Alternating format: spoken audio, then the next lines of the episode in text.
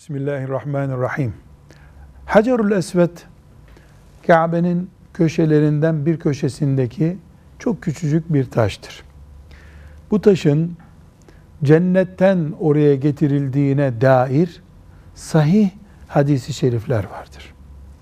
Resulullah sallallahu aleyhi ve sellem Efendimiz Hacerül Esved'e hürmet etmiştir. Ümmeti de 1400 senedir hürmet ede gelmiştir.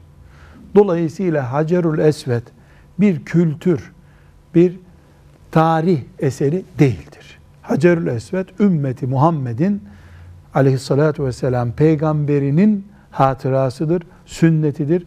Cennetten gönderilmiş olduğuna dair de elimizde sahih hadisi şerifler vardır. Velhamdülillahi Rabbil Alemin.